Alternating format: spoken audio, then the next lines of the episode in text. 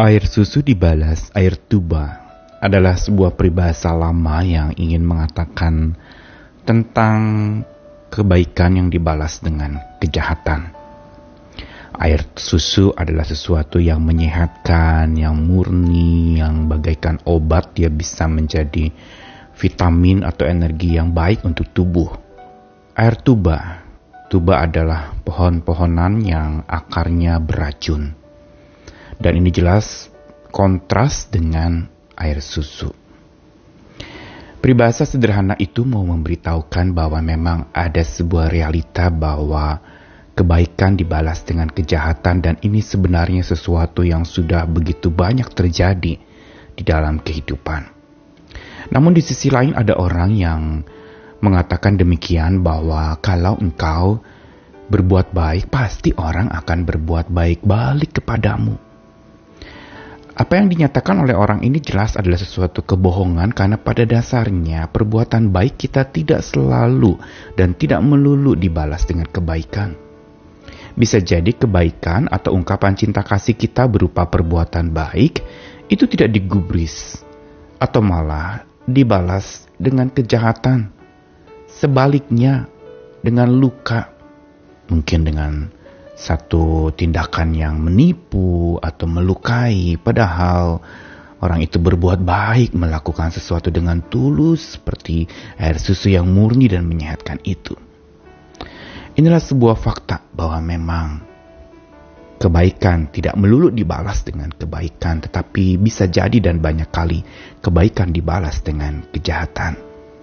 Namun bagaimana dengan kebaikan yang berasal dari cinta kasih ilahi yaitu sebuah kebaikan yang bukan demi sebuah balasan. Tentu saja kita perlu merevisi peribahasa air susu dibalas dengan air tuba. Yaitu dengan sebuah statement baru yang mau mengatakan bahwa air susu tetap akan mengalir walaupun dibalas dengan air tuba. Saya Nikolas Kurniawan menemani di dalam Sabda Tuhan hari ini dari beberapa ayat dari Mazmur 109 ayat yang keempat sampai kelima sebagai balasan terhadap kasihku. Mereka menuduh aku, sedang aku mendoakan mereka. Mereka membalas kejahatan kepadaku ganti kebaikan, dan kebencian ganti kasihku.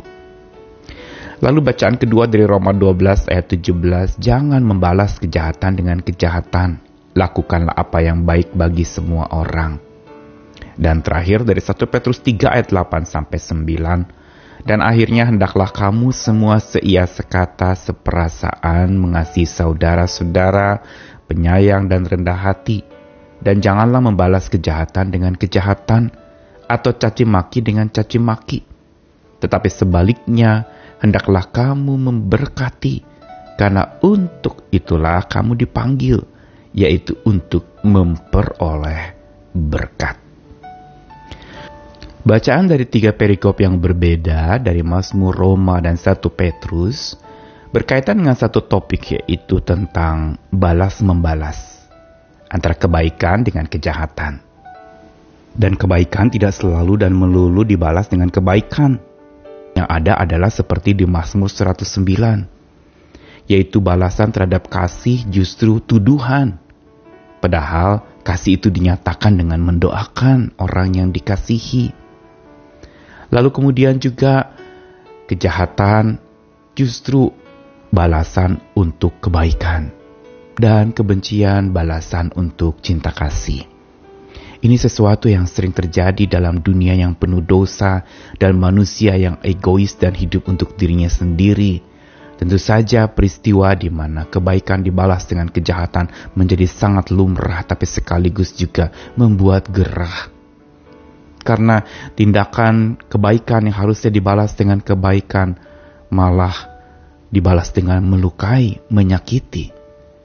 Dan di sinilah sebenarnya kita perlu belajar sebuah realita dunia tanpa cinta kasih sehingga bahkan mereka merasa asing dengan kebaikan dan tidak merasa perlu adanya kebaikan. Yang ada adalah siapa yang kuat dia yang menang. Siapa yang jahat dia yang akan menang mengalahkan kebaikan. Siapa yang penuh dengan amarah dan kebencian akan menguasai yang lemah lembut dan penuh cinta kasih. Mazmur 109 memaparkan kepada kita sebuah realita. Sebagai balasan terhadap cinta kasih ada tuduhan. Sebagai balasan akan kebaikan ada kejahatan. Dan sebagai balasan akan cinta kasih ada kebencian. Semua ini mau mengingatkan kepada kita bahwa jangan sampai kita berpikir bahwa kalau kita berbuat baik pasti orang akan berbuat baik kepada kita. Itu satu kebohongan. Tidak mungkin terjadi itu terus-menerus bisa jadi malah sebaliknya dan kita akan kecewa.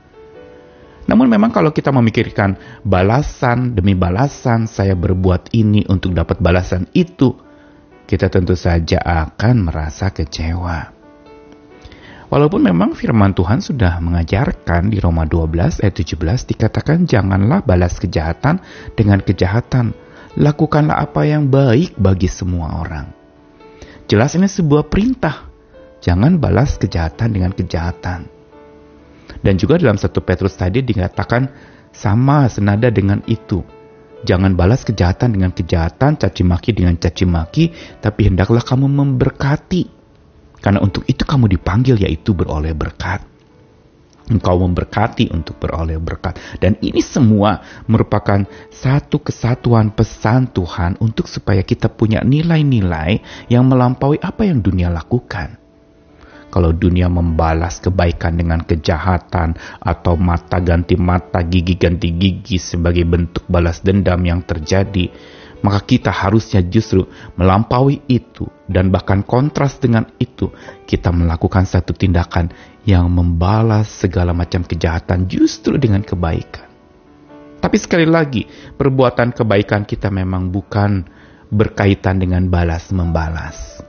Karena bila kita berbuat baik demi dibalas baik, kita akan kecewa tetapi bila kita berbuat baik tanpa harap balasan atau tanpa harap dibalas baik lagi oleh orang lain, kita lega. Perbuatan baik kita tanpa beban karena saya berbuat baik bukan untuk supaya dapat balasan apa pun. Saya lakukan itu dengan tulus dan kalau mau diterima oke, okay, enggak ya silahkan tetapi saya sudah berbuat baik. Dan ini memberi kelegaan karena kita tidak mengharapkan apa-apa dan tidak kepingin bahkan pemberian baik kita atau perbuatan baik kita mendapatkan balasan. Entah itu apa pun, baik ataupun jahat. Dan inilah yang namanya cinta kasih tanpa pamrih yang dari Tuhan. Kalau kita ingat cinta kasih Tuhan, maka cintanya itu bukan dan tanpa pamrih sama sekali. Tanpa ada keinginan untuk mendapatkan sebuah balasan Bila demi pamrih kita lakukan cinta kasih itu, hati kita menjadi perih bukan saja kecewa. Tetapi kalau cinta kasih kita praktekkan tanpa pamrih, itu akan membuat cinta kasih kita makin terlatih. Yaitu terlatih apa? Kita lakukan cinta kasih itu sebagai sebuah latihan untuk kita tunjukkan semata tanpa membalas apa-apa, tanpa terima balasan apa-apa dengan satu alasan sederhana yaitu saya mau berbuat cinta kasih. Titik sampai di situ. Dan cinta kasih inilah yang memang kadang-kadang saat kita secara kedagingan mengharapkan balasan, kita menjadi penuh rintih dan tertatih. Tapi sekali lagi cinta kasih ilahi adalah cinta kasih yang justru tanpa mengharapkan balasan apa pun. Tidak ada pamri di sana dilakukan dengan tulus dan dilakukan tanpa menerima balasan atau berharap dapat balasan, tetapi dilakukan dengan sungguh seperti susu murni yang dicurahkan dan memberi kesehatan, membuat orang menjadi sehat dan bergizi baik, maka sesungguhnya kita harus mempunyai sebuah prinsip. Kalau dunia ini mengatakan air susu dibalas dengan air tuba kita harus punya air susu cinta kasih saya akan tetap saya curahkan walau dibalas dengan air tuba. Inilah cinta kasih ilahi yang melampaui apa yang dunia bisa lakukan tentang cinta itu. Karena itu kalau kita ingat cinta kasih Tuhan yang tanpa pamrih dan mengharap balas, biarlah kita juga boleh mempraktikkan itu dalam kehidupan kita sehari-hari. Tentu saja dengan kekuatan cinta kasih ilahi yang beserta dengan kita. Selamat berbuat kasih tanpa pamrih, selamat berbuat baik tanpa mengharapkan balasan kebaikan lagi dari orang lain. Tuhan mengasihi kita sekalian. Amin.